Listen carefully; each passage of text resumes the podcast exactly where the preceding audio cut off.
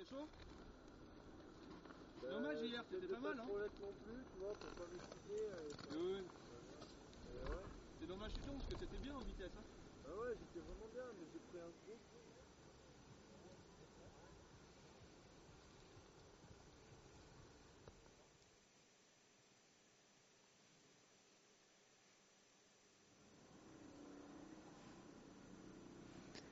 Good morning, Telemark fans. We are in Pralou, France for our second day of World Cup Telemark racing. My name is Monica Delaveau, and I'm alongside Jan Sieber for today's sprint action. Bonjour mesdames et messieurs et bienvenue à Pralou pour cette deuxième journée de compétition. Nous sommes ici au troisième, à la troisième étape de la Coupe du Monde de Télémark à voir ce qui peut se faire aujourd'hui. Ça va être très compétitif.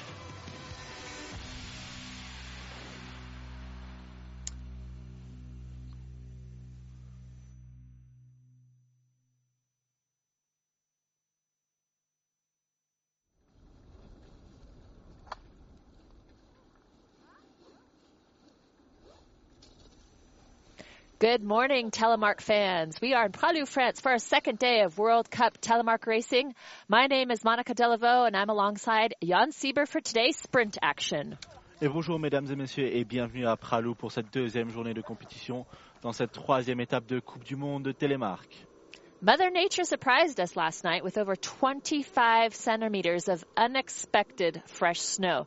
The organizers here in Pralou have done an extraordinary job this morning to prepare the sprint course with the machines, the sliders, and so just a special shout out for a huge thank you to them for their exceptional efforts and dedication to run world class events. Et oui, les conditions, les conditions sont compliquées aujourd'hui. Beaucoup de vent, beaucoup de neige. Dans la nuit, il est tombé environ 25 cm sur le haut des pistes. Euh, on parlait à Adrien Perry, un des, délégués techniques, justement, il a dit que les Français ont fait un boulot incroyable pour faire en sorte que cette, course puisse avoir lieu. Si vous voulez retrouver euh, cette interview, n'hésitez pas à aller sur l'Instagram de la FIS.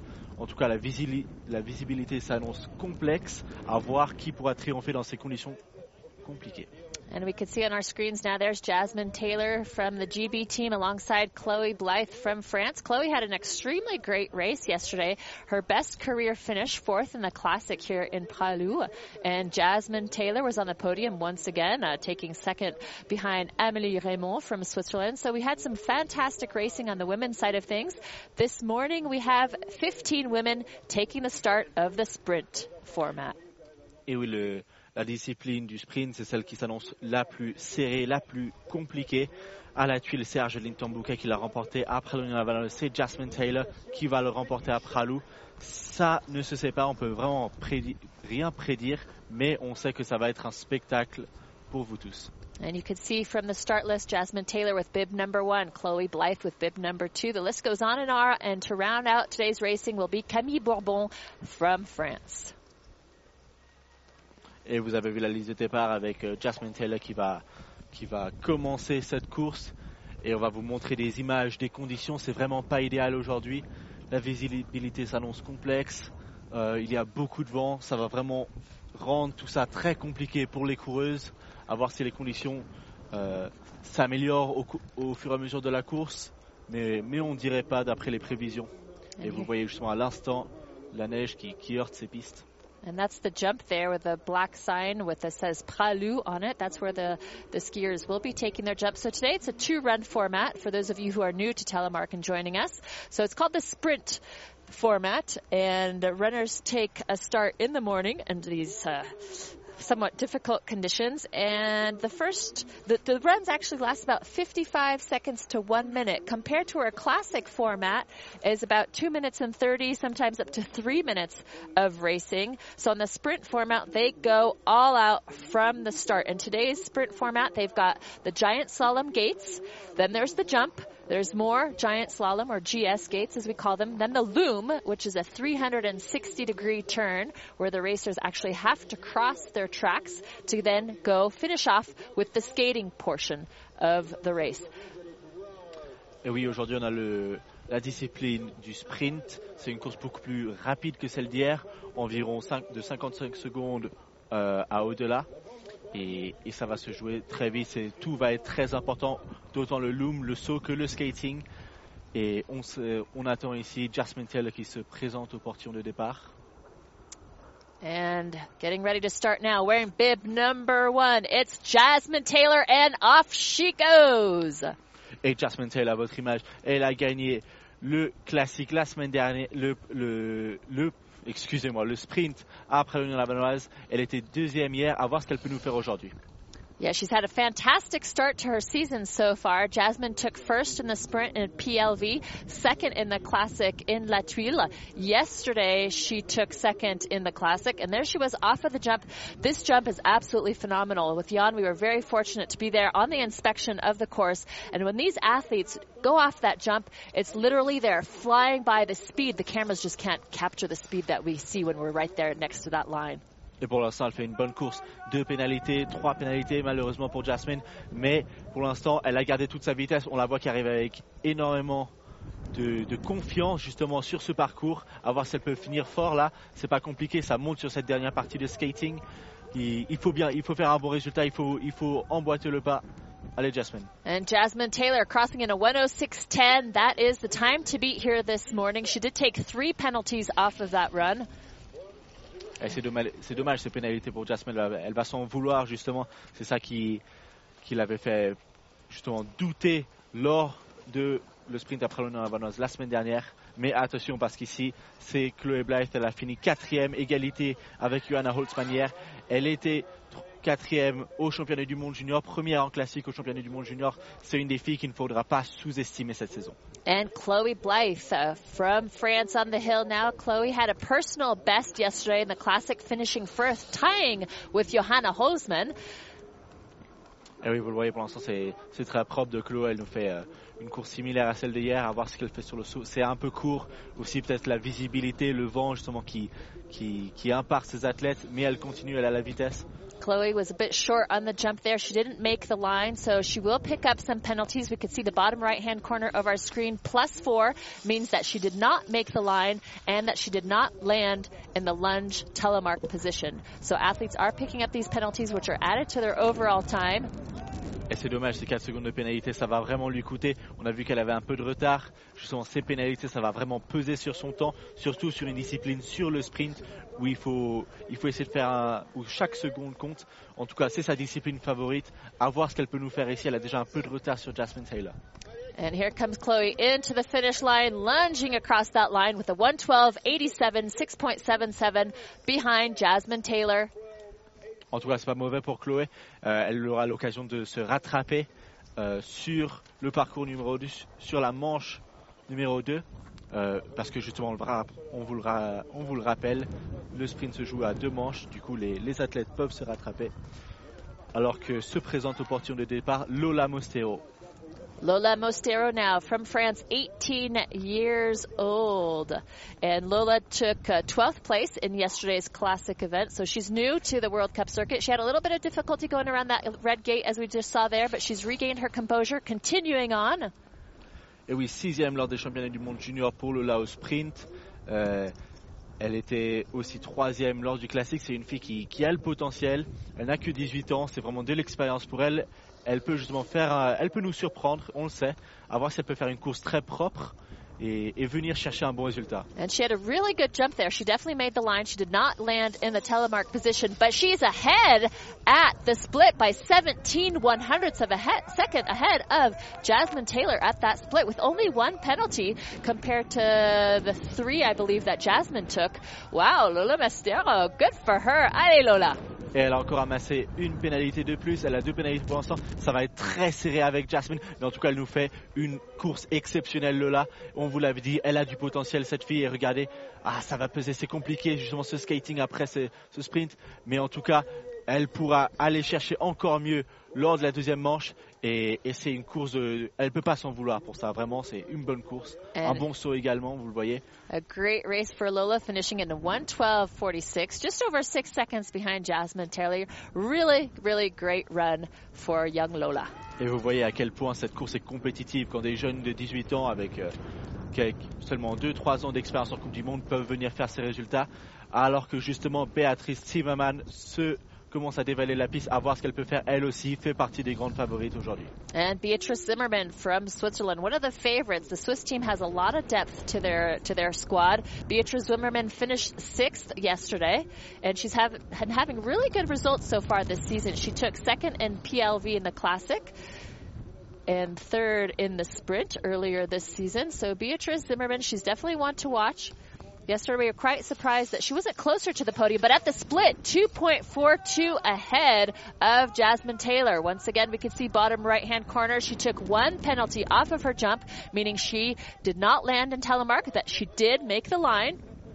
Et oui, vous l'avez vu, une pénalité, ça va vraiment compter ici. Allez Béatrice, on sait justement qu'elle peut faire des bons résultats. Elle n'a jamais eu pris une première place du podium aujourd'hui, mais ici elle l'a. On voit le résultat. Pour Yes, and oui. she crosses first in a 105.25, beating Jasmine Taylor by 85 one hundredths of a second to take the first spot so far on the women's sprint after the first run.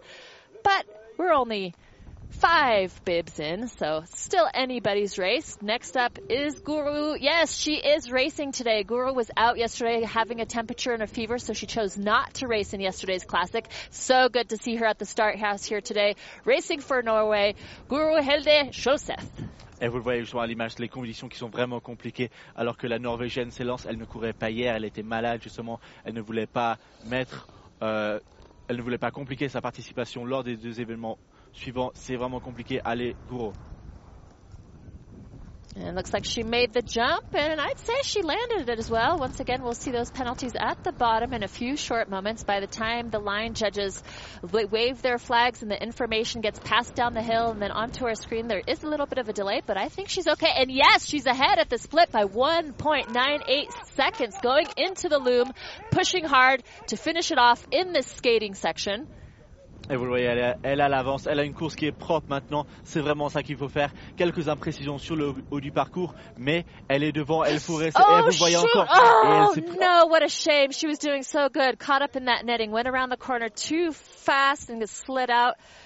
Aïe, aïe, aïe, aïe, aïe. Allez, go.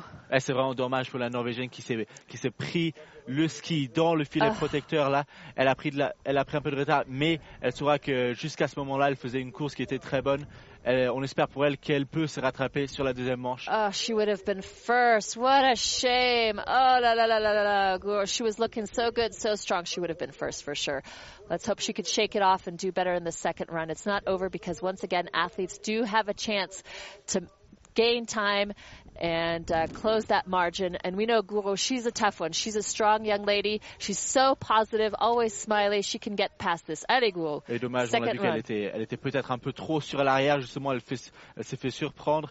Alors qu'à l'image, vous avez Catherine Reichmann d'Allemagne, elle aussi fait partie des, des grands noms à surveiller ici.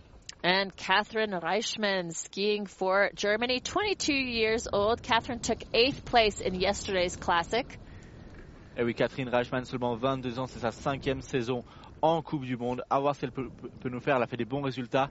Euh, Peut-être un peu meilleure en classique. Cette fille, en tout cas, le saut, elle le place. L'atterrissage, on ne sait pas. Mais euh, elle garde sa vitesse et, et sa fluidité, justement, sur ce, sur ce parcours. And Catherine made the line for sure. Not quite sure if she made the telemark lunge position. We're probably thinking not. Nope, we've got the confirmation on the screen there.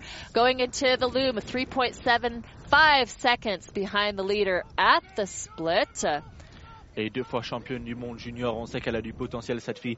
Et justement, elle a pris une pénalité pour l'atterrissage de saut, à voir si elle peut euh, confirmer sur le skating. Pour l'instant, on, on- ne voit elle pas la même erreur que Gouro au passé. On voit ses compatriotes qui, qui l'encouragent, là, Julian Seubert sur le côté. And Catherine Reichman here, she comes across the finish line with a time of 112.18, 6.93 behind the leader, currently placing her in third position. Et attention, parce que les trois prochaines coureurs, les deux sœurs 8, 9 et euh, 7, 8 et 9, pardon, c'est là que tout va se jouer, c'est là que la compétition va s'intensifier, c'est vraiment les, euh, les favoris. Attention, Argeline Tambouquet, vainqueur, And- vainqueuse à la tuile, qu'est-ce qu'elle peut nous faire ici? And watch out, everybody. This is one to watch. Wearing bib number seven, representing France, it's Angeline Tan Bouquet. She took third in yesterday's classic distance. She's an extremely st- strong skier. She took second overall for the Globes for the Globe in telemarking last year, and on the jump, she makes the line for sure. Did not land in telemark. Oh, and a little bit too far forward on her stance there, getting thrown, but she's recovered. She's okay, still going strong. Voyez, une position très caractéristique. On peut la reconnaître très facilement à son ski. Argeline, elle, est très en avant, très agressive. Peut-être que ça l'a surpris un peu sur ce mouvement de terrain, sur le après le saut là. Mais en tout cas, elle garde et regardez, elle a pas mal, elle a Elle seulement 50 secondes. Elle a fait un bon temps, seulement une pénalité sur l'atterrissage de saut. Qu'est-ce qu'elle peut nous faire sur ce skating And at the split, she was only four tenths back going into that loom. She was extremely fast going into the loom. Here she is, pushing with all her might. She knows that she's in contention for the podium, if not even a first place finish. Feet crosses in a 107.87, uh, third place so far, 2.62 behind. But it's not over, Argeline. There's that second run this afternoon, so she's still in a very, very good position for a podium. But it's not over yet because we still have some heavy hitters. Joanna Holzman and Amélie Raymond are still yet to ski. Et vous voyez, ces pénalités ont pesé sur le temps. C'est ça qui a fait qu'elles euh, prennent cette, euh, ce retard de quelques secondes. Mais attention, parce que justement, à se lancer dans le portillon de départ, c'est Johanna Holzmann. Johanna Holzmann now from Germany, 23 years old. Johanna tied in fourth place yesterday on the Classic with Chloe Blythe. Et trois globes l'année dernière, troisième l'année la, euh, hier justement, euh, quatrième hier pardon, excusez-moi. Mais attention à celle-là parce qu'elle peut nous surprendre. Elle n'a pas encore retrouvé sa forme de la saison dernière, mais on sait que ça commence à monter en puissance. Un saut qui est peut-être un, un, un pas à télémarque, peut-être un peu court, je ne sais pas. And Johanna Holzmann, she won the overall Globe last year. She took the second place for the Classic Globe, first place for the Sprint Globe, first place for the Parallel Sprint, and at the split, only 44 100ths back going into the loom. She did, however, pick up four penalties off of the jump, so that is a lot. So that adds four seconds to her overall time.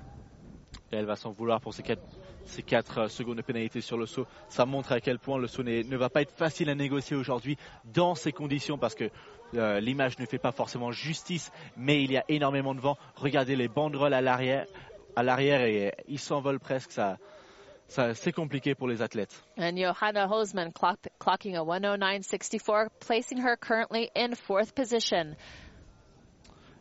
Et prochaine à s'élancer, c'est une des grandes compétitrices. À voir si elle peut venir euh, remporter une victoire aujourd'hui. Elle n'a pas encore gagné cette saison en sprint. Elle s'est fait devancer euh, à la tuile et à Pralognan. C'est son opportunité de venir euh, remporter le classique et le sprint aujourd'hui. Mais les conditions qui, qui commencent à empirer justement la vue. Attention à Amélie Raymond. Amelie Raymond now from Switzerland, 31 years old. She won the classic here in Pralou. She won the classic in La Tuile. She won the classic in Pralognan-la-Vanoise. She has not yet won a sprint discipline in 2019. Let's see if maybe she's got it up her sleeve for today. Et oui, elle a, elle a, elle a fait le saut là.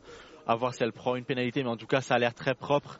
Si elle peut faire une course sans pénalité, c'est sûr qu'elle elle a euh, une bonne chance de faire une première place. And a fantastic jump for Amélie Raymond, uh, making the line and at the split 1.42 ahead. She's in the green uh, with no penalties off of that jump, skiing a very clean run. She will most likely take the lead. Ouais, c'est ici que tout se joue. C'est une skateuse incroyable. À voir si elle peut augmenter sa, son avance ici. C'est ici que tout va se jouer parce que, et vous le voyez, 8 secondes d'avance. C'est incroyable ce qu'elle nous fait justement la Suisse, à voir avec combien elle va terminer. And Amelie Raymond taking the lead. Not sure what's going on with our timing there, but uh, we're pretty sure she's in first position. Oui, At elle- one elle- point in time, it said plus. Uh, she was ahead by eight. The next moment, it said ahead by 1.87. So we'll give you her exact timing as soon as we get it. quelques problèmes techniques justement sur ça. On pense qu'elle elle- elle gagne avec 1 seconde 87 d'avance. Euh, à confirmer néanmoins parce que c'était relativement imprécis. Excusez-nous de, de ceci. Alors que s'élance justement euh, Julie Bourbon. Julie Bourbon from France, 17 years old. Julie did not choose to race the classic yesterday, so this is the first race for the weekend for Julie. Eh oui, Julie, seulement 17 ans, deuxième année sur le circuit, à voir ce qu'elle peut nous faire. Vous voyez ici, sont les, les coureurs qui dévalent après, en essayant de, de rabattre un peu cette neige qui, qui vient se, se recouvrir le parcours, à voir ce qu'elle peut faire sur le bas du parcours. Julie, c'est compliqué. Ah. Oh no, no, no. She did have a solid jump, and she's still in. She didn't miss the gate, so she's getting back up, continuing her race. Good for her, getting as much experience as she can. Eh, c'est dommage pour elle. Elle sait que euh, ça, ça ne va plus jouer euh, les, le top 10 forcément. À voir si- seulement si elle peut faire euh, un, un temps digne de cela et se rattraper lors de la deuxième manche. Actually, En tout did. cas, tout, ça montre le mental de cette jeune fille de, de continuer et de tout donner justement sur ce bas du parcours. She did take four penalties on the on the jump. Excuse me for that earlier. Six penalties in total for Julie Bourbon, who will finish her first run in a time of 120.77. Et vous voyez, là, ça, ça va s'en- s'enchaîner justement. La jeune garde française. Et après, justement, Berit Junger. On voit ici justement l'erreur qui, qui va lui coûter justement pas mal de temps. C'est dommage pour elle. And we can see from our screens now here is the standing so far. Emily Raymond, Beatrice Zimmerman, Jasmine Taylor, Argeline Tambouquet, Johanna Holzman are the top five women, all within six seconds of one another. Beatrice Zimmerman only 1.8 seconds behind Amélie Raymond. Et vous voyez Béatrice Zimmerman, Zimmerman encore une fois en deuxième position, Jasmine Taylor en troisième. Euh, on ne pense pas que quelqu'un puisse venir les détrôner, mais attention à Berit Junger justement, la jeune allemande. Berit Junger uh, wearing bib number 11. She's 19 years old from Ger- Germany. Uh, relatively novice World Cup athlete, having just about uh, nine or so starts, World Cup starts to her name. Et oui, euh, Berit Junger qui qu'on espère va pouvoir apprendre des meilleurs. On espère qu'elle pourra apprendre de Johanna Holzmann et Catherine Reichmann. Mais, mais elle, a encore, euh, elle est encore jeune, cette fille. Elle a du potentiel à voir ce qu'elle peut nous faire dans, dans cette saison et les saisons qui viennent. And at the split, 6.94 seconds behind Amélie Raymond. Uh, Barrett took ninth in yesterday's classic format, so a nice top 10 finish for Barrett. Et 4 secondes de retard pour l'instant. Euh, c'est un temps qui n'est pas mauvais pour l'instant. C'est pas mal pour la jeune Allemande. Peut-être qu'elle pourra augmenter ça lors de la deuxième manche, mais, mais c'est une, une prestation honorable. And picking up four penalties, Barrett Younger from Germany will be crossing the line after her first run in a 112.49, 9.11 seconds behind Amélie Raymond, the current leader. Euh, regardez ces images, justement, le vent, la bise qui souffle. C'est vraiment pas facile. Vous pouvez vous imaginer si vous êtes au portillon des départs à l'instant, voir tout ça, euh, c'est ça doit être compliqué dans la tête. Ça, ça met pas en confiance. Antonia Kneller qui s'élance. Antonia Kneller now from Germany. She placed 13th in yesterday's classic.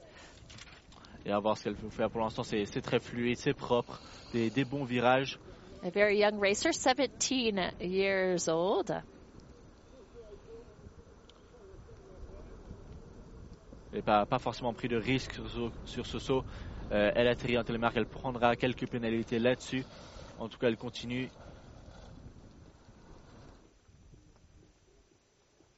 And Antonia Kneller picking up five penalties, four off the jump. Three of those four are for not making the line. One of those are for not landing telly.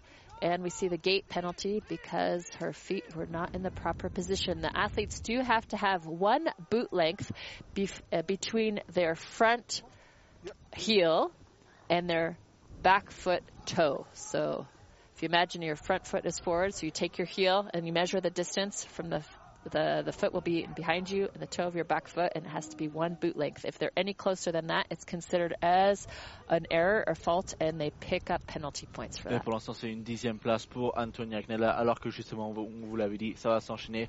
Les, les trois Françaises très jeunes, elles sont ici pour l'expérience, à voir ce qu'elles peuvent nous faire. En tout cas, ce sera Iloué Ravanel qui va s'élancer, seulement 18 ans de Chamonix. And Iloué Ravenel, you can see her race bib literally flapping in the wind. The conditions are not easy at all. The wind is picking up. The snow is uh, blowing horizontally. Iloe Ravenel really has to stay focused and get all her strength mentally to attack this course. She's been a little bit frustrated in her racing uh, last weekend in PLV and in yesterday's classic here in Pralou. Let's hope Iloe will charge it here today and have better results so she can go home happy. Et c'est un bon saut qu'elle nous a fait justement. Il est peut-être peut-être pas la réception, mais en tout cas comparé à certaines autres des athlètes juniors, c'était bien, c'était bien essayé. Euh, elle se fait peut-être un peu secouer, surprendre, mais en tout cas elle garde sa ligne, c'est pas mal. Seulement 6 secondes, c'est pas mauvais justement. Et à noter justement pour l'instant une course propre, à voir si quelques pénalités arrivent à l'instant. And at the split, Yue was 6.21 seconds back. She is picking up four penalty points from the jump. Allez, Ilo, into the skating section, up and around. Allez, on pousse, on pousse, on pousse. Allez, Iloé. Et vous voyez justement le skating, il faut pas se faire surprendre. Il faut continuer à pousser parce que justement, Kourou s'est fait surprendre, elle s'est laissée un peu aller. Et comme disait justement hier le coach Julien Quin, c'est c'est ça le piège, c'est qu'il faut continuer, il faut toujours pousser, il faut pas se laisser guider par cette petite partie en descente. Et, c'est malheureusement l'erreur qu'elle a fait. Mais elle, pourra se rattraper lors du deuxième, de la deuxième manche. Alors que vous avez justement Lali l'im- à l'image. Lali Shushprat from France, 20 years old. This is her first year on the World Cup circuit. Oh no, she had a little bit of difficulty there. Did she ski out? Our screens are going black. We don't see what happened to Lali. Is she still in? Eh oui, elle okay, she's still going for it. Elle Okay, se good. remet sur ses skis et elle continue. C'est dommage, une petite erreur qui, qui va lui coûter aussi. C'était le cas de sa compatriote Julie Bourbon également. Euh, à voir justement si elle peut continuer à, à- à être dans la contention pour ce, ce top 10. So obviously a little bit of an error there in regards to the split times. It said that she was 27 seconds ahead. Et il me semble que cette météo prend vraiment ses, ses effets sur nos caméras. Yes, C'est peut-être la même chose pour vous à la maison. On espère qu'on puisse continuer à avoir des, des images propres. Mais en tout cas, elle continue, Lali. And Lally placed 14, 14th in yesterday's classic. She took uh, 14th in the classic in PLV and 15th in the sprint in Pralognon-Lavanoise a few days ago. Et oui, elle s'est habituée à des résultats autour du top 15, Lali. Euh, on pense qu'ici, elle pourra aller chercher mieux. Ce n'est pas une mauvaise performance. En tout cas, sans sa chute, elle était vraiment en contention pour un top 10. À voir si elle peut continuer ça et continuer dans cette deuxième manche. Lally, we think currently in 14th position. And now the final skier for the women wearing bib number 15. It's Camille Bourbon, who is Julie Bourbon's sister, who we saw ski just a few moments ago. And now it's Camille's turn. Camille took 11th in yesterday's classic format. Et à voir ce qu'elle peut nous faire, Camille, ici aujourd'hui. Euh, on la connaît, là, ski euh, très, très propre, peut-être un peu similaire à celui d'Argeline. On le voit justement une position relativement sur l'avant, peut-être un peu moins qu'Argeline, justement, euh, qui est beaucoup plus agressive. Euh, à voir, elle est très jeune, à voir ce qu'elle peut nous faire. Pour l'instant, le saut a l'air d'avoir passé la ligne. It looks like definitely made the line, which is good. So uh, hopefully she won't be picking up those three penalty points that you get when you don't make the line. We do see that, yeah, okay, so she picked up one penalty point for the gate for not uh, landing in telemark, but that's all right. So she made the line, which is fantastic for Camille. Et à voir ce qu'elle nous fait ici sur le, sur le skating. Can see Elle n'est pas mauvaise dans ses temps. En tout cas, au niveau des pénalités, c'est très bien ce qu'elle nous fait. On espère qu'elle peut continuer. Et en tout cas, elle a, elle a une bonne chance de jouer le top 10 ici. Elle fait un résultat qui est très honorable. Et elle continue à pousser. Regardez ça, la jeune française justement qui vient attaquer sur cette dernière partie.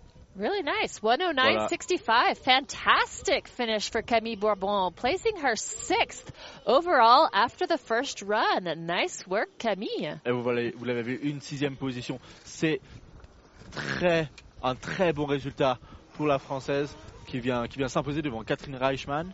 Euh, et vous avez justement les, les résultats provisionnels à l'image. Euh, Ça, ça joue à pas grand chose devant une petite erreur et tout peut être décalé. Ça, ça, et on vous laisse apprécier euh, ces images justement de Amélie Raymond qui, qui s'est imposée pour l'instant lors de cette première manche. And here we see the replay for Amélie Raymond, who is the current leader after the first run this morning. Ah oui, c'est très serré devant, c'est très serré. En tout cas, ça laisse prévoir une deuxième manche à suspense. Alors que on effectue une petite pause pour euh, nettoyer le parcours et, et préparer le circuit des hommes. And stay with us because we have our sliders, our slip crews who are coming down the mountain, making uh, the course skiable for the men. It is definitely blizzard conditions out there in Pralou. The wind is blowing the snow horizontally. All of the logo and the sponsor flags, they're flapping hard in the wind. People are holding on to their hats and glasses not to get literally blown off the mountain. So we'll be starting the men's race pretty shortly. Stay with us. Et vous voyez la start list des hommes. Euh, à noter que justement euh, Robin Kraft, avec, qui était censé partir avec le dossard numéro 20, ne va pas courir aujourd'hui. Il l'a annoncé ce matin. Euh, on ne sait pas exactement pourquoi, peut-être se sauvegarder pour euh, le, le parallèle de, de demain. En tout cas, ce sont des conditions qui ne sont pas faciles. Il faut enchaîner beaucoup de courses. C'est très intense pour les athlètes. Les conditions ne sont pas idéales. On sait, que plusieurs avaient, euh, des problèmes, que ce soit, que soit refroidi lors de Pralognan lavanoise et, et que ça a pris justement. Yeah, we do have quite a few athletes who have been sick over the past couple days. They've really been going non-stop uh, for many, many days now. Uh, so, for example, Guru from uh, Norway, she was sick with a fever yesterday. Jasmine Taylor did race and did a very good job on her race yesterday, but she was feeling under the weather as well, having problems with her lungs and breathing and her asthma. Um, a couple of the guys out there as well, not feeling so good. But here we go on the men now. Stefan Matter from Switzerland taking the start. Et oui, un habitué du podium, Stéphane Mater, c'est un des, très grands skieurs. Vous le voyez très bas, il conserve beaucoup de vitesse, des angles qui sont quasi parfaits justement. Si vous regardez, si vous voulez apprendre le télémarque, regardez ces vidéos parce que c'est un skieur incroyable. Regardez cette réception de saut, c'est du beau télémarque. Yeah, Stefan Matter has a very beautiful style of telemarking. Jan was saying if you want to learn how to telemark ski, he is textbook. He has a beautiful, beautiful stance and grace to his skiing. Here he comes into the loom. Stefan Matter from Switzerland. He won yesterday's classic event. Let's see if Stefan Matter can be on the podium in today's sprint. Et oui, il a gagné hier, il, il était sur le podium à la tuile également. Il n'était pas loin ah, à Pra- Pralognan-Lavanoise. Qu'est-ce qu'il peut nous faire ici? En tout cas, ce sera, on le sait, un temps de référence. Ce sera un très bon temps à voir euh, ce qu'il ce peut nous faire. On vous confirmera le temps dès qu'il s'affiche à l'écran. And we did not see the reference time. Stefan Matter starting with bib number one. So his will be the target to beat for the men following him. We don't have his time, unfortunately, but next up, it's birthday boy today for Noé Clay wearing bib number two. A big, huge happy birthday to Noé. Et oui, Noé Clay, c'est son anniversaire aujourd'hui. Il a 21 ans. À voir ce qu'il peut nous faire. Euh, beaucoup de potentiel pour le français. Très bon dans le jeu. Une petite erreur hier, mais en tout cas, c'est un des, un des coureurs très positifs. Ça ne va pas les- va pas laisser l'influencer. Il va utiliser ça euh, pour euh, se motiver aujourd'hui. À voir ce qu'il peut nous faire. En tout cas, euh, c'est un des jeunes coureurs français qui peut jouer une très bonne position. And the top section of the GS looking really nice and smooth. A bit of a, I guess, exciting jump there with his skis uh, separated, but he landed it. He's looking good. And on this GS, he's looking solid. Et oui, c'est un très bon coureur, Noé. On sait avoir ce qu'il peut faire euh, au temps intermédiaire. Mais en tout cas, euh, il va être en contention dans, dans le top 5 s'il continue à faire une course propre. Il faut peut-être un peu surpris là sur euh, Yeah. la sortie du loom. Yeah, Ça va coming peut-être out of the un petit peu, mais on regarde, regardez qu'il pousse.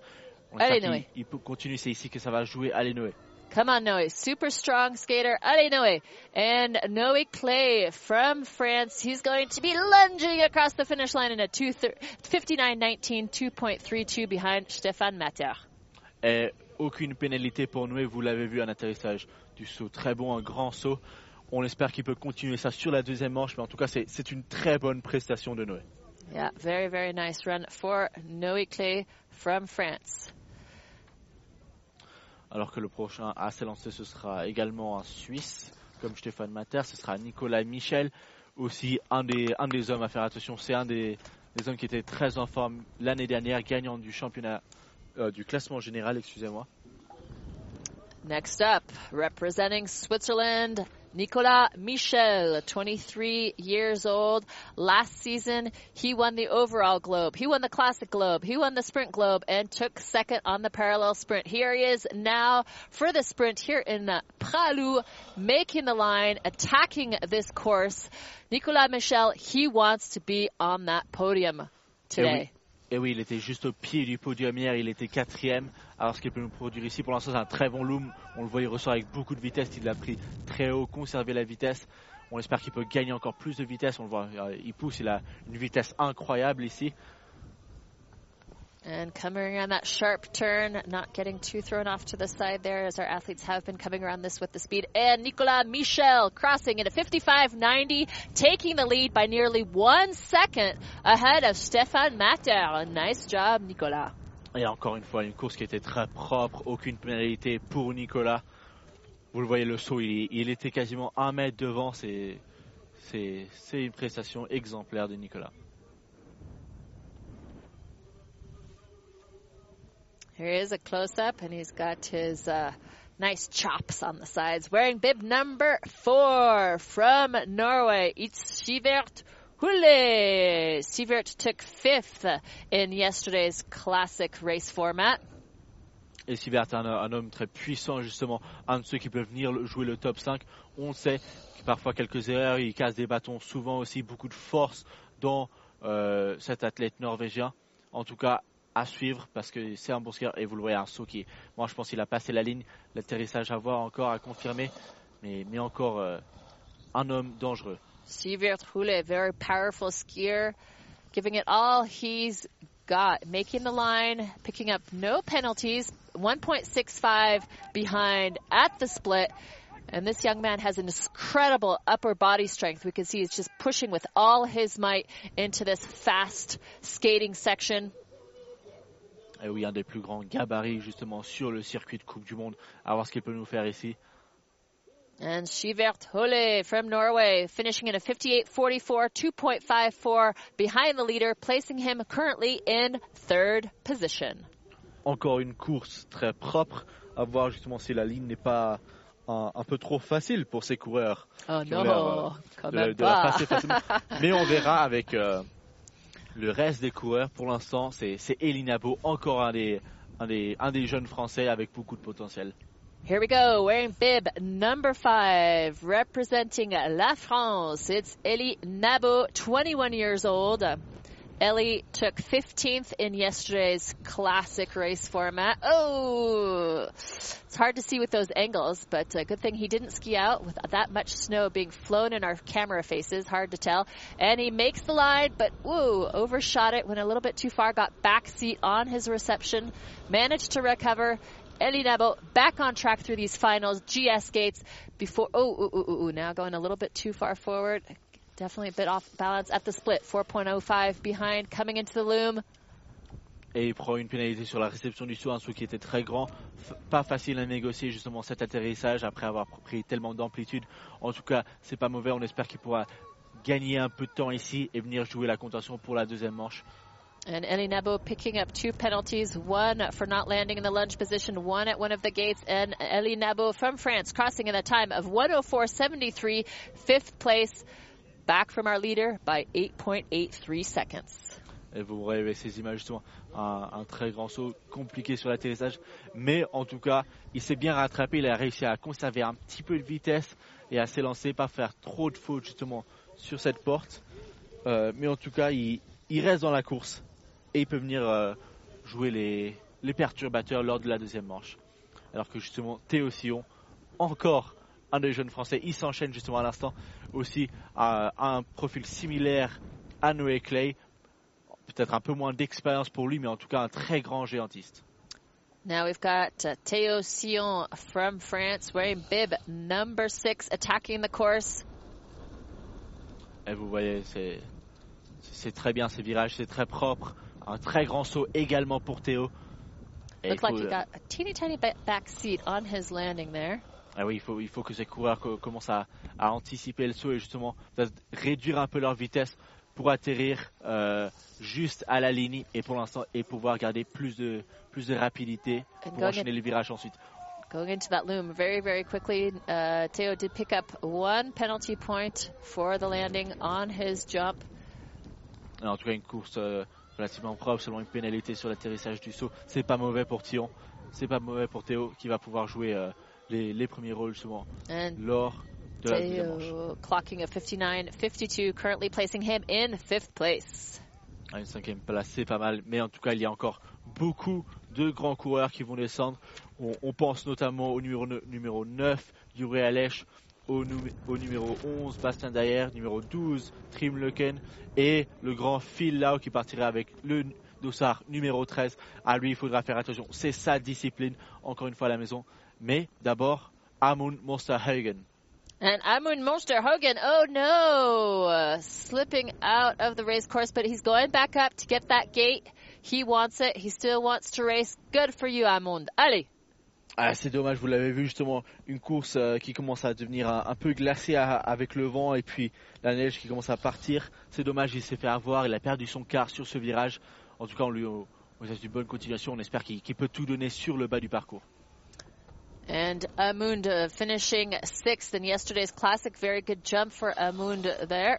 Euh, Une très bonne réception de saut, en tout cas, il garde sa vitesse.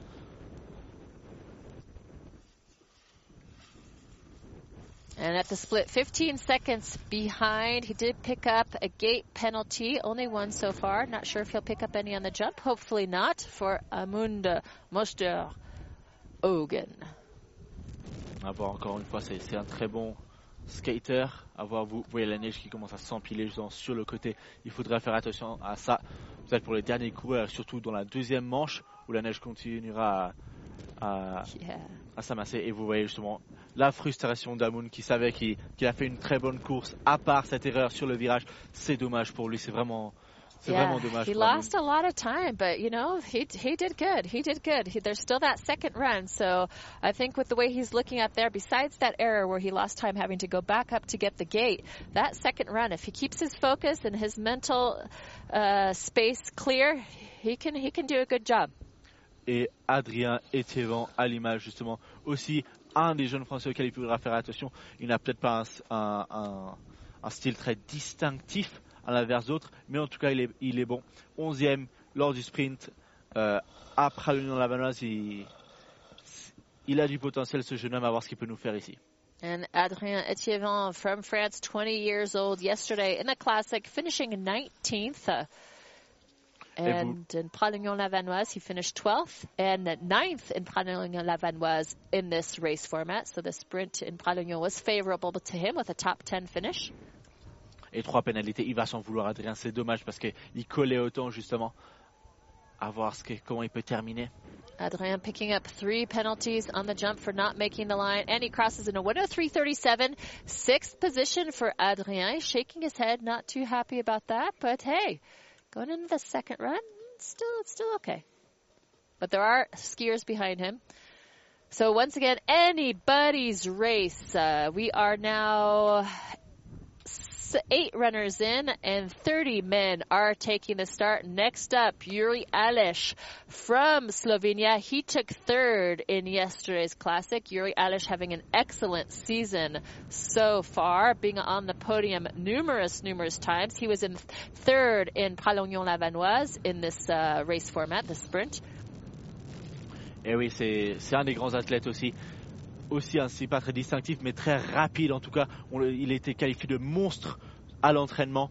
Euh, petite impression lors de l'atterrissage, mais en tout cas pas de pénalité pour l'instant. Est-ce qu'il peut continuer? Il n'est pas encore monté sur la première marche du podium cette saison, mais il en a envie. Il a vraiment faim de victoire, le Slovène. And at the split, Yuri Alish only 1.09 behind. We saw off of his jump, he had a little bit of difficulty, had to put his hand down. Good thing he didn't break a pole. That's the risk sometimes with the, a- these athletes after they land the jump, and if they do put their hand down with the impact, they do have a tendency to break their poles. Yuri's poles are intact. Look at him pushing so incredibly hard, finishing in a 56.51, second place provisionally, only 61 one hundredths behind the leader. Et c'est très bon, hein. une très bonne partie skating en tout cas pour Yure, qui, a su reprendre du temps, il a su reprendre quasiment 40 centièmes sur ça. C'est très bon pour lui, on espère qu'il pourra améliorer ça lors de la deuxième manche. Mais attention à Louis Hubert, encore seulement 17 ans pour le jeune Allemand, mais en tout cas, il commence déjà à jouer euh, le top 10 en Coupe du Monde. Attention à lui parce que on va en entendre parler de l'Allemand alors que les conditions semblent s'améliorer. Il y a peut-être un peu moins de vent, ça s'éclaircit aussi. And actually, it's bib number 11. So Louis Hubert did not take the start. We're moving straight into bib number 11, which is Bastian Dyer. The conditions are better now. The sun is starting to shine. Uh, it's uh, much better racing conditions than it was just a few moments ago with the wind and the snow fla- uh, flowing all around. Bastian Dyer, did he make that jump line? Eh oui, moi il me semble qu'il l'a fait, Bastien. En tout cas, un skieur très puissant. Lui aussi va venir jouer les premiers rôles. Et, il, il était deuxième après l'Union Lavanoise lors du sprint. Et vous le voyez justement. Wow. Justement, regardez, seulement un centième de retard. On espère pour lui qu'il peut venir chercher ça dans le skating, mais en tout cas, il en a les moyens. Allez, Bastien. Allez, Bastien, at the split we saw there, he's only one one hundredth behind, which is absolutely nothing. Bastian Dyer, can he take the lead after this first run? Let's see it on the clock here. And he does by 1.01 seconds. He takes the lead away from Nicolas Michel. Nice work, Bastian Dyer. Eh oui, il vient voler l'avance à son compatriote. Une très bonne course, vous le voyez, c'est exemplaire ce qu'il nous fait. C'est très bonne course, une seconde, 0,1 d'avance. On espère qu'il peut le garder, mais en tout cas, c'est pas joué parce que numéro, Dossard numéro 12, c'est Trim Leken, lui aussi, soif de podium. Il avait les deux victoires à la tuile. Il n'était pas forcément aussi, bien placé qu'il le souhaitait après l'Union Lavanoise, mais il voudra venir chercher une victoire aujourd'hui. And Trim Loken from Norway, he'll be looking to take the lead away from Bastian Dyer. Definitely one of the top favorite men skiers on the World Cup circuit this year in 2019. He's been on the podium numerous times, taking first place in the sprint in La Tuile, taking second place in the classic in PLV, and also first place in the classic in La Tuile. And yesterday he took second, only by 1.84 seconds. At the split, 1.57 behind uh, Bastian Dyer. Allez, Loken. Eh, c'est dommage pour lui. Presque deux secondes en arrière pour l'instant. Une course qui, qui restera propre. On sait qu'il est bon en skating. C'est le meilleur skater euh, sur le circuit. And he's not picked up any penalties. Ah, ce sera compliqué pour lui d'aller justement chercher sa première place. En tout cas, il, il n'a pas fait la différence lors du sprint. À voir ce qu'il peut faire la deuxième manche. C'est sur le GS qu'il a perdu son avance. On voit le, le saut était bon. Le saut était bon, l'atterrissage aussi. C'est vraiment dommage qu'il est peut-être un, un peu trop sur, l'arrière lors du, lors du GS. Yeah, we saw there was a little bit of mistake on his GS up at the top portion of the course. Now wearing the blue bib. That means this is the overall leader. His name is uh, Philip Lau, representing France. Il était troisième lors du sprint à la tuile, malheureusement des erreurs qui l'ont vu euh, ne pas pouvoir prendre la première place. Première place après le Navanoz, c'est un des favoris, c'est le grand favori. Regardez sa technique. On espère que Phil peut aller chercher une, une victoire aujourd'hui. And Philip Lau finished ninth in the classic yesterday. Probably not as well as he wanted to race. Let's see if he does better on the sprint here today. He's a very aggressive skier. You can see he doesn't take those gates very round. He really just knocks through them one by one. Et il, il aime tendre les courses, Phil, les courbes justement. Là, ça l'a compliqué un petit peu sur le bas du parcours, mais en tout cas, il n'a pas beaucoup de retard. Seulement 47 dixièmes. And 47 one hundredths of a second behind going into the loop. He's picked up one gate penalty. Let's see if uh, Phil Lau can take the lead after this run, first run away from Bastian Dyer. He'll cross the line in a time of 55.66, 77 one hundredths behind Dyer, placing him currently in second place after the first run. Et vous voyez la différence qu'a fait cette pénalité. Sans la pénalité, il était devant. Il était devant, malheureusement pour lui. Il l'a pris, il a quand même fini deuxième, mais, mais une grosse performance pour lui. Et on sait qu'il peut améliorer ça lors de la deuxième manche. En tout cas, un temps à suivre alors que Mati Lopez va s'élancer sur le haut du parcours. In the start house, next up, it's Maddie Lopez wearing bib number 14 from France. 22 years old. In yesterday's classic, Maddie took eighth place.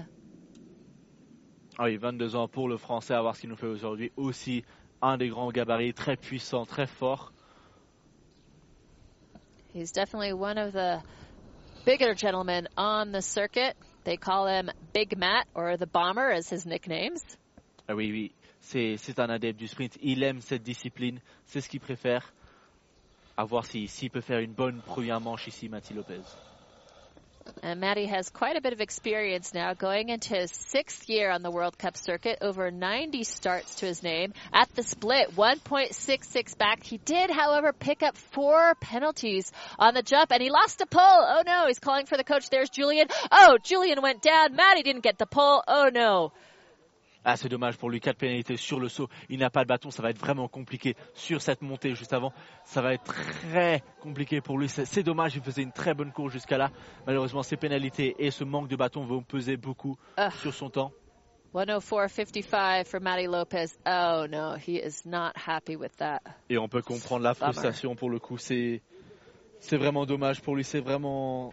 Ça doit pas être facile pour le jeune homme. Ay, ay, ay, ay, ay, ay, ay. Yeah, those pass offs are not easy at all. All right, moving on. Wearing bib number 15, representing Norway, Christian Lovik Jelstad.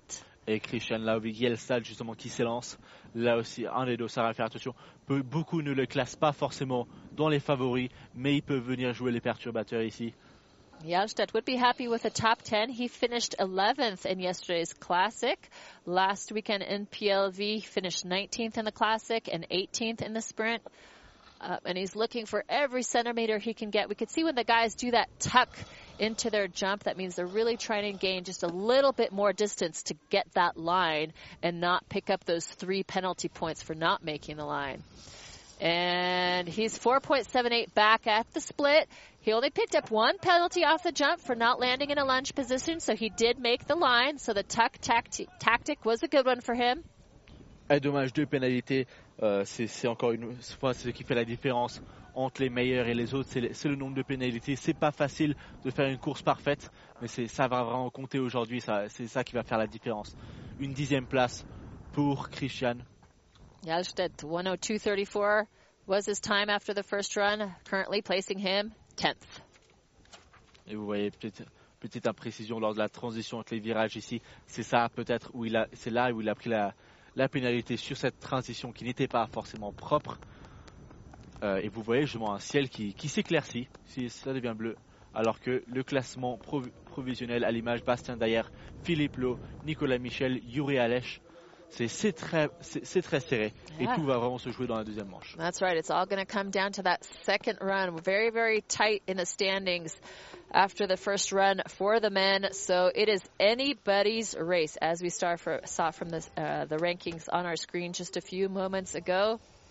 It is tight. Wearing bib number 18 there, we see Corey Snyder from the U.S. getting ready for his run. et les principaux sont peut-être euh, déjà passés pour certains. On peut se dire qu'on est à l'abri, mais en tout cas, il ne faut pas euh, se laisser aller parce qu'il y a encore beaucoup de jeunes qui peuvent venir euh, perturber ce, to- ce top 10 avec justement Gaëtan Procureur avec, qui s'élance avec le numéro 16. Gaëtan Procureur from Switzerland wearing bib number 16, 23 years old, 67, 69 World Cup starts to his name. Oh no! And he had a little bit of a difficulty there, but he caught it.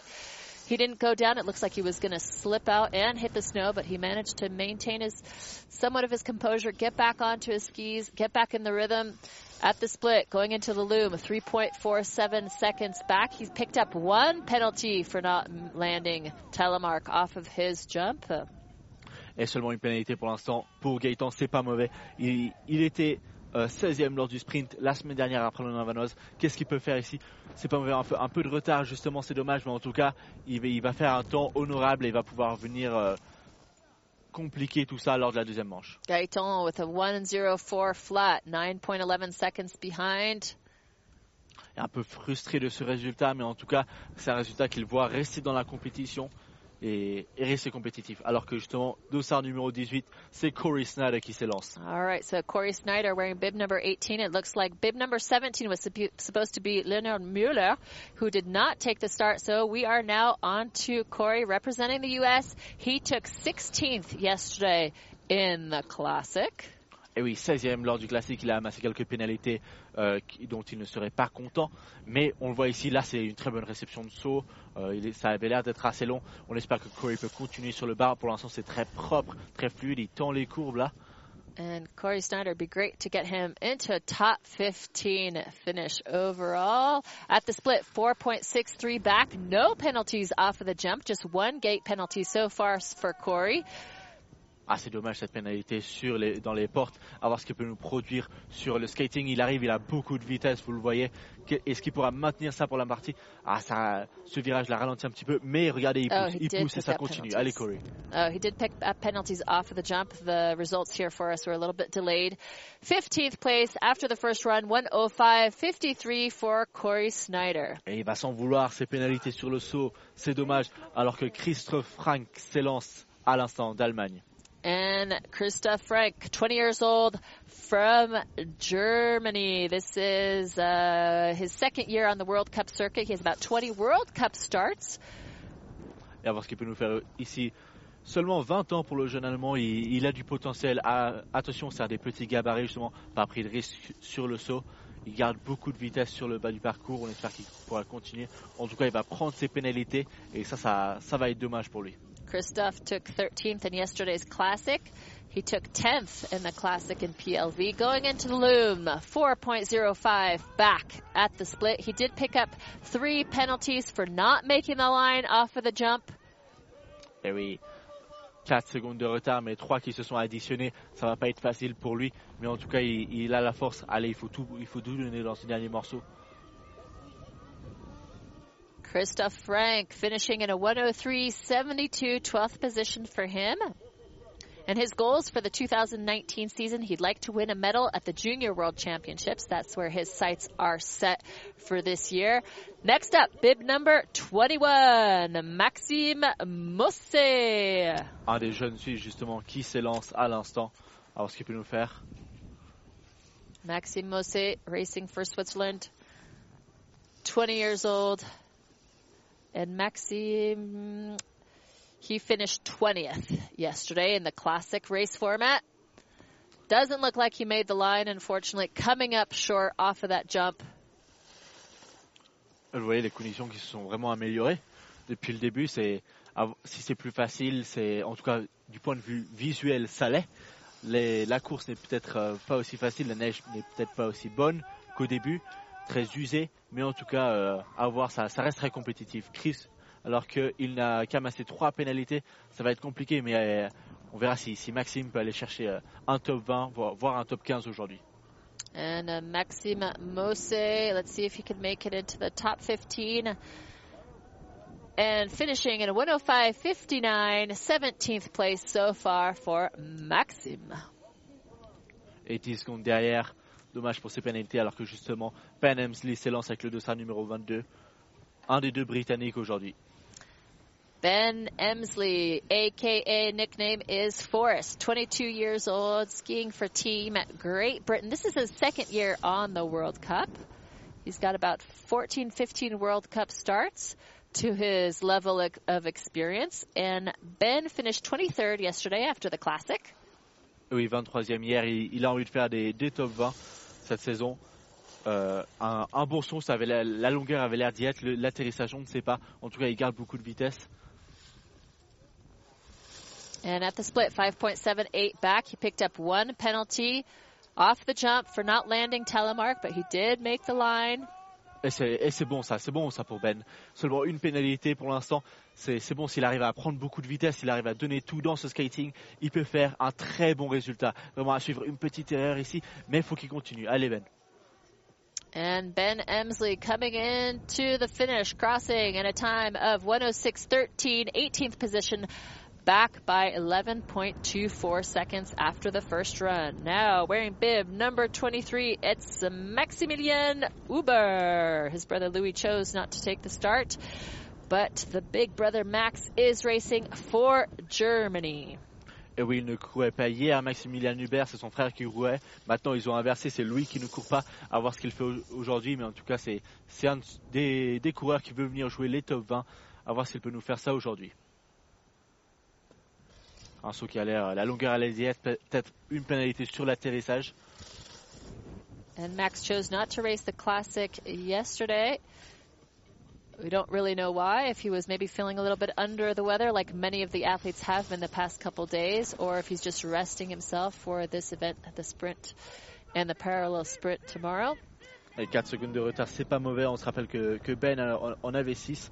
Mais en tout cas, ça, ça va être très proche. On sait que Bastien Dayer et, les quelques premiers ont vraiment fait la différence lors du skating. Ça va pas être facile d'aller les chercher, mais, on espère qu'il pourra le faire. Seulement une pénalité pour l'instant, c'est pas mauvais pour lui. Yeah, he had a great run. Only one pe- gate penalty, nothing off of the jump. Oh, and he falls literally across the line. 107.63, placing Max currently in 19th position. Et 19e position, peut-être un petit peu dommage. Il a l'air d'être tombé un, peu trop tôt, justement. Mais attention, parce que c'est le seul Italien qui s'élance, justement. Raphaël Malknert. Rafael Macnet representing Italy. He's the only Italian telemarker on the World Cup circuit representing his country.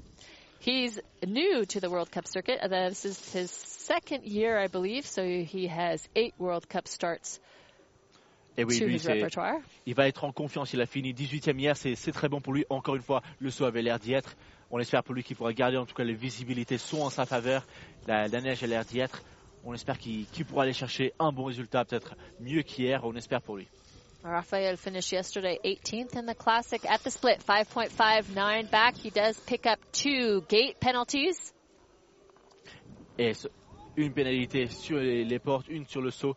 Ça s'est affiché un peu tard, malheureusement. Mais on espère qu'il peut tout donner. Il arrive avec pas mal de vitesse. Ce virage va être, euh, crucial, justement. C'est difficile, justement, de le maîtriser avec toutes les lignes qui se sont déjà formées. And Rafael from Italy in a 104.54. Yes, 14th position. Only 9.65 back. That's really good for Rafael. Nice job. Et vous le voyez, il est en confiance, une 14e position, c'est bon ça. On espère qu'il pourra aller faire encore mieux lors de la deuxième manche. Alors que un autre jeune Suisse s'est lancé, c'est Valentin Roduit. And Valentin Rodri, another Swiss skier, 19 years old, 20 World Cup starts to his name. In regards to his uh, results, yesterday 21st for the Classic, and last weekend in Pralognon-Lavanoise 23rd in the Classic and 25th in the Sprint. Pas pris de risque sur le saut, Valentin. Mais il garde la vitesse, euh, c'est très propre sur le géant, ça. Des beaux virages. Peut-être un peu, peu surpris là à voir. Mais en tout cas, pour l'instant, ça a l'air pas mal. Picking up three penalties off the jump, not making the line. Going into the Luma, uh, just under seven seconds behind at the split. Ouais, c'est pas mauvais ça pour Valentin. Ça va encore se, se jouer sur le skating. Ça n'a pas l'air d'être un skating énorme, contrairement à hier. Mais en tout cas, ça, ça s'avère très dangereux et ça s'avère euh, compliqué pour les skieurs qui sont justement en fin de course. C'est là que, que se joue la plupart des temps. And nice to see the sunshine hitting now the mountain of Pralou. 20th place for Valentin Rodri after the first run. Ah, dommage, une 20e place alors que c'est là justement Julian Seubert. And now Julian Seibert uh, from Germany. A bit of a mistake there. Yesterday, Julian did not finish his classic run. He's coming off of an injury from last year in his ankle, and he was telling me that uh, in yesterday's classic, he saw a, hole on the course and just mentally, even without thinking, oh no, lifting up that leg. Et Ah, encore une fois, vous voyez la frustration. C'est la Ah, deuxième fois cette semaine qu'il n'arrive pas à finir. C'est vraiment dommage. Il s'est fait déstabiliser. Deux petites erreurs. Il ne va pas pouvoir faire partie de, de la deuxième manche et, il va vraiment être énervé de ça. C'est dommage pour, pour l'Allemand qui, qui a beaucoup de potentiel. On l'a vu dans les courses dé- début de la saison. Il était bon. Après l'Union Lavanoise, il nous a surpris avec ses belles performances. Et vous voyez la frustration. C'est Yeah, pour lui. Julian had such a great weekend in Pralognon-Lavanoise a couple days ago. He was feeling good, feeling confident. And unfortunately, this weekend in Pralou, things are just not working in his favor. It's all right, Julien. We've got more races coming up for the rest of the season. We believe in you. We know you've got it in you. So don't give up hope, Julien. Et oui, on, on l'attendra lors euh, du, du, du parallèle, alors que le prochain à s'élancer ne sera pas Louis Hatchwell, ce sera Arnaud Avocagro, euh, le jeune français. Euh, Louis qui avait justement une petite blessure au pouce, on l'a vu. Euh, il n'a pas couru hier à cause de, de son état mental, son état physique, euh, ce qui est dommage pour lui. Mais on espère qu'il sera en condition justement pour demain. Il a fait euh, l'entraînement ce, ce matin, mais, mais ça n'avait pas l'air d'y être. From the start list, we did have Louis Hatchell, who was supposed to be bib number 27, but he's chosen not to take the start again. He didn't choose to start yesterday on the Classic, and again, not starting out here today. He slipped being out on the hill yesterday, hurt his thumb. But anyways, moving on to Arnaud Avocat Gros wearing bib number 28. He finished 24th in the Classic yesterday. And Arnaud at the split, 6.55 back, picking up one gate penalty so far. Ah oui, pour l'instant, euh, c'est seulement Oh, une pénalité. Il a cassé un bâton. Encore une fois, il n'a pas. Ah, encore une fois, il n'a pas réussi à récupérer son bâton. C'est c'est dommage. La- le même problème qu'avait eu son, son compatriote, à voir justement s'il peut lui en donner un là, c'est- c'est- ça va être compliqué, mais au moins il finit sa course. Dommage pour, euh, pour Arnaud qui va ramasser trois pénalités également. And it's complicated to to pass off those poles. So Arnaud Avocat Gros had to switch out a pole, having pole problems. Didn't manage to get it from Julien right away, so he did get it for the final stretch of about 10 meters or so. Better late than never, I suppose. Anyways, next up, wearing bib number 29, Brag Osen Jolberg, representing Norway. Il faut, faut travailler un peu sur cette technique de passage de bâton chez les Français parce que Mathieu Lopez c'était la même chose. C'est dommage, mais Yeah, bon. that's right. Matty Lopez had a bit of a tr- trouble with the with the pole passing, and here Arnaud had the trouble. le Norvégien euh, Brageos Jolberg, justement, première saison sur le circuit, à voir ce qu'il peut nous faire. Il a fait des résultats dans le top 20 cette saison. En tout cas, c'est c'est pas mauvais, à voir ce qu'il peut nous faire. 6 secondes, Oh, et c'est oh, propre. oh, oh, oh, Et il s'est fait oh. surprendre. Oh Trop de pénalités emportées dans le loup. okay. Il s'est fait, il s'est fait surprendre sur l'arrière. C'est c'est dommage pour le Norvégien qu'on qu'on voit rester couché. On espère qu'il n'y a pas de souci pour lui. Euh, de, de notre cabane des commentateurs, on le voit couché dans les filets à l'instant. Ah voilà, vous l'avez à l'image. C'est dommage. On espère qu'il n'y a rien de sévère. En tout cas, il, Hopefully, he's just caught up in the netting. We could see TD Adrian Perry making his way over there. Et vous revoyez justement les images. Ah, si, il s'est fait surprendre, c'est vraiment dommage. Oh, On espère yeah. qu'il n'y a pas de souci. Il n'a pas l'air de, de bouger pour l'instant. C'est He's surrounded with help, so he should be okay. et on a- c'est vraiment des, images qu'on n'aime pas voir, ça, des les coureurs qui, tombent et qui, qui bougent pas. En tout cas, tout le monde commence à s'amasser aux côtés. Il y a vraiment un grand silence dans la station. Tout le monde qui, espère qu'il se relève et qui espère qu'il n'y a aucun problème pour, le jeune Norvégien. Se- Seulement son sixième départ en Coupe du Monde, justement, il a commencé à la tuile. And we have the coaches who are helping him get his uh, skis untangled Et, et- from the netting.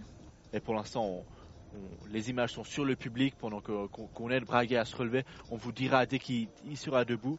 Alors que justement dans le portillon de départ, vous avez Nicolas Issaev qui pour l'instant doit attendre. Ça ne doit pas être facile d'être au portillon de départ et de devoir attendre comme ça. Justement, la pression commence à monter. On se demande ce qui est arrivé en bas. On n'a aucune nouvelle. Euh, avec un peu de chance, euh, je pense que c'est- c'est Trim là qui vient d'aider- qui vient l'aider à se relever. Euh, on n'est pas sûr, mais So we do have one skier pas le, left. le- So le jeune Norvégien. Brag Osen was the second to last skier to take the start. We still have Nikolai Isaev from Russia at the top who needs to do his run. We've got a break for the time being just to make sure we move Brag off of the race course. Here from where we are in our race booth, we see the the secours, the ski patrols making their way over. Still trying to untangle him from the netting from our perspective here. Et à l'image, on, vous laisse apprécier ces, images de, la station de Pralou, justement les conditions qui se sont nettement améliorées depuis le début. Ils annonçaient un peu de neige ce soir, on n'en attendait pas ce matin, et pourtant ça, s'est accumulé. On, se demandait si la course allait avoir lieu. Euh, très bon travail justement de pouvoir garder tout ça euh, très propre. Et pour l'instant, la deuxième manche a l'air d'être euh, confirmée. Euh, on espère que ce sera la même chose demain pour le sprint parallèle. Ils annoncent un peu de neige le, soir, mais surtout beaucoup demain. Ce sera à voir pour l'instant. c'est à, c'est à 11h30 le départ. Mais, tout reste à confirmer. Et, on, essa- on essaiera de vous confirmer ça via notre page Instagram, euh, Fils Télémarque. Yeah, so uh, because of the snow and the weather conditions, we've had to bring the parallel sprint forward by a day. Originally on the race program, it was scheduled to be on the Friday, but uh, TDs and World Cup race directors have decided to bring it forward by a day. So the parallel sprint will be tomorrow, Thursday, rather than Friday. Uh, uh, the conditions should be better on Thursday than Friday, so they've made that decision. It was confirmed at the team captains meeting last night, so it'll be a bit tricky for the athletes in regards to their physique and their fatigue levels because the race in Pralognan-la-Vanoise was only a couple days ago. They haven't had too much recovery rest time uh, coming into Pralou, so their legs are definitely starting to feel the fatigue and the weight, and of course the cold. We mentioned earlier some of the athletes are coming down with various colds and problems, so it's going to be tricky and tiresome for the parallel sprint. But that's part of the that's part of being an athlete. That's part of being on the World Cup circuit. You have to adapt to the winter conditions, and that's how it is in the mountains. Et oui, alors que la, pause se continue, il nous reste encore euh, le russe Nikolai Isaev et euh, le- le- l'enfant du village Melvin Ray qui, vont descendre justement. Alors que les coureurs euh, essaient de rester chauds, justement, ça doit pas être facile en, période de pause comme ça. Vous avez justement Melvin Ray à l'image qui, essaie de, rester chaud, de garder ses jambes en mouvement. Yeah, we can see on the screen there, the bib number 31, that's Melvin Ray, trying to keep himself warm while we have this uh, break to take care of Brag Osen Jolberg from Norway, who crashed out here. And in the meantime, we also have the sliders, the slip crews going through the gates, trying to make the course uh, good for Nikolai and Melvin, who are still yet to ski. Et à l'image, vous avez les résultats euh, pour l'instant. Justement, Bastien derrière, toujours avec l'avance. C'est très serré au début. Ça, tout va se jouer lors de la deuxième manche pour l'instant. Euh, il n'y a, rien de confirmé, mais c'est un très bon temps de Bastien derrière euh, que- qui, sera en confiance. À voir si euh, son compatriote Nicolas Michel ou Stéphane Mater pu- peuvent venir euh, le, surprendre. Pour l'instant, il y a aussi Trim qui, reste sur le podium également. Et, et Phil qu'on espère qu'il peut venir jouer les perturbateurs alors que Melvin Ray continue sa préparation.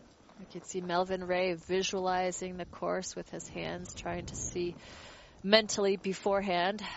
Et Ah, vous voyez justement les- cet esprit d'équipe, il y a autant euh, le coach Rudy Weber, le coach suisse qui est là, autant le, le directeur technique euh, Adrien Perry de Grande-Bretagne qui est là. Donc vraiment euh, tout le monde qui, qui vient aider ses athlètes et c'est, beau à voir parce que dans des conditions comme ça, c'est, vraiment un athlète abandonné, c'est ce qu'on aimerait voir le moins. Alors que justement le russe Nikolai Isaev, à votre écran, entraîné par euh, le, frère Nikita, on a parlé avec lui, il disait justement que, que la neige, euh, ce n'était pas mauvais justement à voir les, vi- les virages, alors que justement, euh, on voit les, les gens qui essaient d'amasser un peu la neige plus loin que le loom, parce que c'est vraiment ça qui, qui a fait, qui, qui surprend les athlètes et surtout les, jeunes, comme Brage Ozen Jolberg, et ainsi que d'autres, ainsi que d'autres. And there's the birthday boy, Noé Clay, fixing his gloves alongside Adrien Etievant with something warm to drink. The racers on standby. Those two gentlemen have already raced their race, so they're done up until they get the green light for the second run, which might be just delayed slightly because of the crash by the Norwegian athlete. We'll keep you posted on that. Et pendant qu'on a le temps, on vous profite pour euh, vous, parler du format de demain, justement le sprint parallèle euh, qui va se dérouler comme ceci. D'abord, euh, les 32 athlètes masculins vont s'affronter. Ce sera du, du 1 contre 1, un sprint parallèle. Et une fois qu'il n'y en aura plus que 16, parce que c'est un format knockout, donc celui qui perd la course, c'est fini pour lui. Celui qui perd justement, il ne continue pas. Ceux qui gagnent vont s'affronter. Euh, il y aura une manche fille, une manche garçon, et ça va s'enchaîner de cette façon euh, pour justement favoriser le, le temps de repos de chaque athlète et maintenir tout ça très compétitif, euh, ainsi que de pouvoir enchaîner rapidement les courses et, et de vous garder haletant des résultats. What time are we starting tomorrow for the parallel sprint? Did you say 11 earlier? Il me semble que c'est 11h30, mais justement ça reste à confirmer. Okay. Ça dépend du, de la météo, des, conditions, de, de l'habilité de, de retransmettre cela. Yeah, so potential Start time for the parallel sprint tomorrow, 11:30 a.m. But that is to be confirmed, TBC, based on weather conditions and other various factors that do come into play when we make these decisions. Once again, we were surprised by the amount of snow that fell overnight. We were just expecting a few centimeters, but waking up this morning, there was 25 centimeters of fresh powder on the ground. The team here in Pralou has done just an absolutely exceptional job getting the course race race ready and we were actually able to start on time, which is usually not the case when we're surprised by weather conditions as such, and there's usually delays and whatnot. But the team here at Pralou, very, very professional, and we were able to kick off today's sprint race on time. Now we've got a bit of a delay because of the crash, because of our Norwegian racer. We hope that he will be okay. Et on vient de voir euh, justement Robin Kraft qui a passé notre cabane des commentateurs. On essaiera d'aller lui parler, lui demander euh, pourquoi il ne s'est pas élancé le, ce matin, si c'est l'aspect mental, l'aspect physique, ou peut-être un peu des deux. En tout cas, ce sera intéressant de savoir euh, pourquoi, et puis on, vous reportera ça lors de la, deuxième manche, ou potentiellement demain. On espère qu'il puisse s'élancer justement à 500. alors que justement, on vous affiche que la, la course est interrompue. Toujours Melvin Ray à l'image qui, met sa veste. Pour l'instant, ça ne doit vraiment pas être facile d'être en haut et de devoir attendre justement euh, avec une pause qui, commence à s'allonger de, cette manière.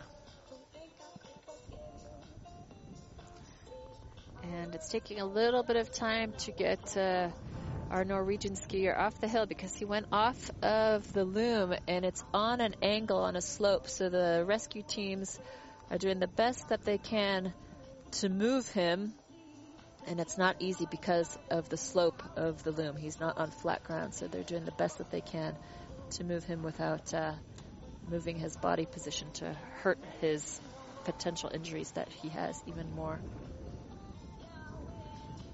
Et vous avez justement euh, Nicolas Issaef justement à votre écran là qui, qui est en train de discuter avec euh, un des préparateurs. Peut-être en train de prendre des nouvelles de ce qui se passe. Tout le monde qui attend justement euh, le speaker Sergio justement dans, à l'arrière là-bas.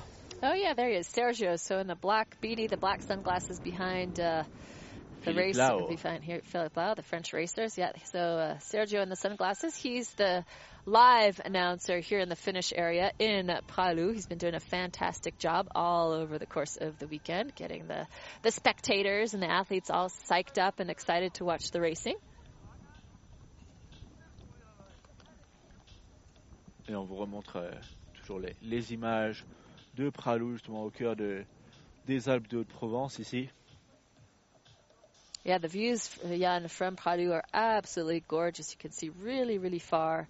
And the peaks, 360 degree views all around. It's really a very beautiful ski resort here in the Southern Alps. It's a bit tricky to get here, but uh, once you're here, it's absolutely gorgeous.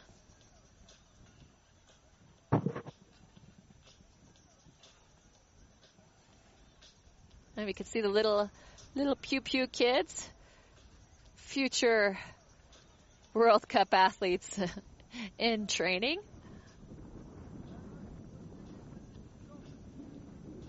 Et oui, justement, on vous en parlait hier des, juniors norvégiens qui ne sont pas forcément ici. Et, et justement, on se demandait pourquoi. La réponse, on ne l'a pas encore, mais, mais ça se confirme. Il y a énormément de jeunes norvégiens qui ne sont pas forcément ici.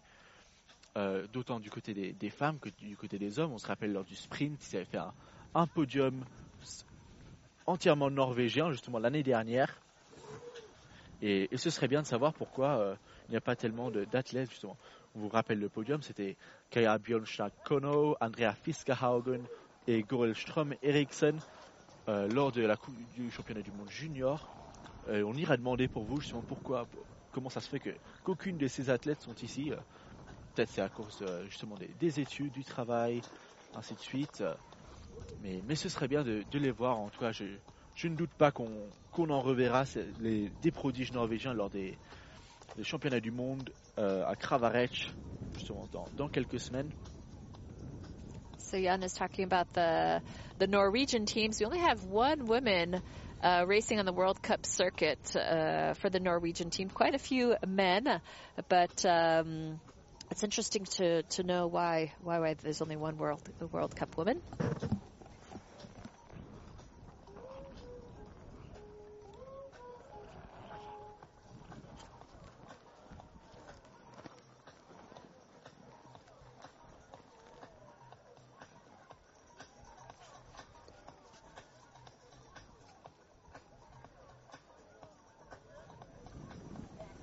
Yeah, so it's, it is an interesting question that Jan had. We had last year at the World Junior Ski Championships, three Norwegians won the sprint. Uh, so the question is, if they're winning the Junior World Championships, why aren't they here on the World Cup? So we need to find Per, the Norwegian coach, and ask him this question. And the interesting thing about Per, so uh, he's be, he's going to be setting the the course for the second run today. But Per, the Norwegian coach, he was actually the men's alpine ski coach for numerous, numerous, numerous years and coaching the likes of Axel Svindal and Kjetil Jansrud. So big names in the alpine ski world, and we're very fortunate to have him in the telemark world now, uh, coaching these young telemark athletes. There's the TD, Adrian Perry. on vous, on vous remontre euh, quelques images du public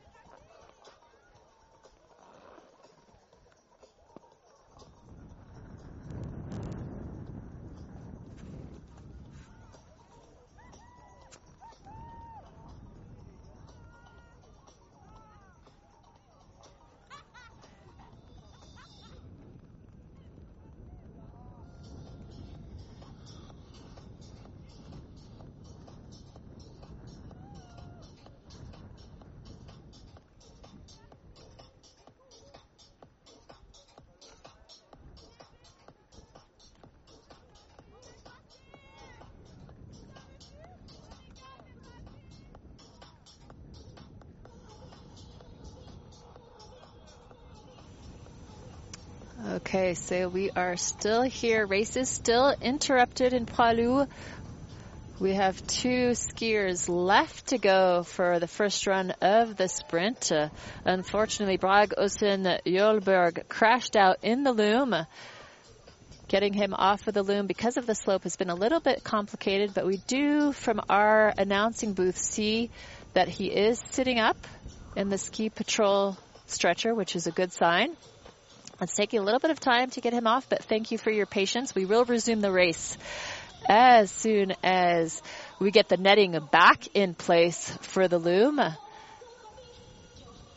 And when the TD gives the green light, we still have Nikolai Isaev from Russia and Melvin Ray from France, from France to do their first run of today's sprint. Weather conditions this morning in Pralu were complicated for the women and the first handful of men that took the start. Then, as the raceless skiers went by, this, the skies have been opening up. We do have some blue skies and sunshine now coming down on Pralu. The wind has died down as well. Still a little teeny bit of wind, but not as bad as this morning. So conditions are improving. Once again, we did get caught out by the 25 centimeters of snow that fell overnight. World Cup director Andrea Hoven and technical delegate Adrian Perry would like to congratulate and thank the Pralu teams here, the organizers, for doing an absolutely phenomenal job with the course given the unexpected snowfall conditions their teams got here early. They've got the machines going and the sliders and the slip crews, making sure that the course was in excellent condition to start on time this morning for today's sprint.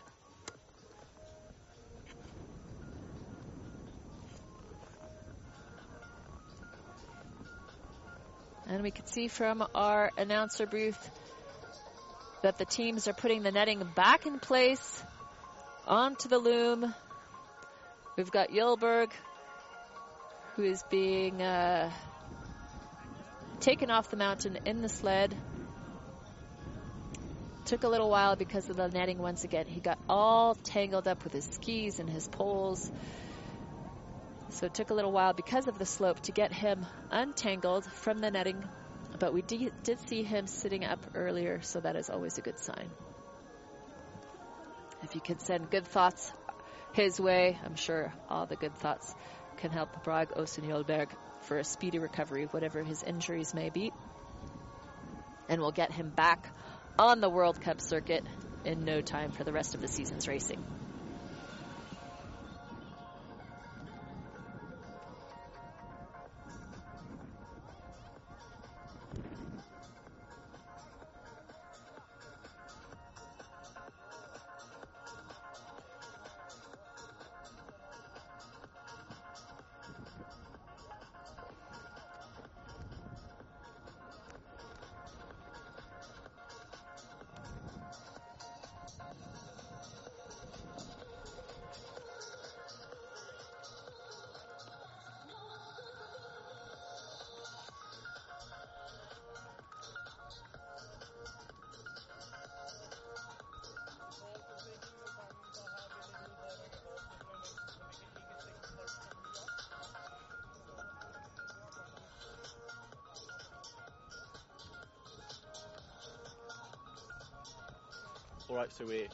Joined here in the box by by Rafael, who who who's 14th in the first sprint. So I wanted to ask a few questions, how the course was going.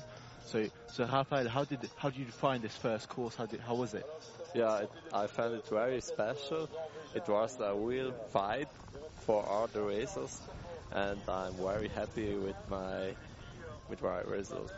Yeah, great, great. So so how was the snow? Was it was it good? Was it yeah, the snow is uh, very awesome. You have to race very, very. Yeah, very, Yeah, always very- very yeah, aggressive and very uh-huh. forward. Yeah. And are you looking forward to the second run? Yeah, I'm very motivated for the second run, and I hope that will go like the first. yeah, yeah.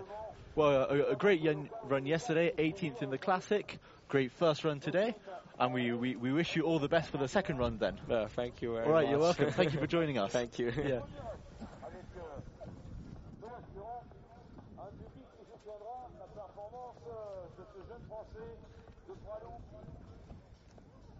Fraîchement débarqué dans le monde du télémarque il y a quelques années de cela seulement, il avait déjà disputé le titre de champion de France il y a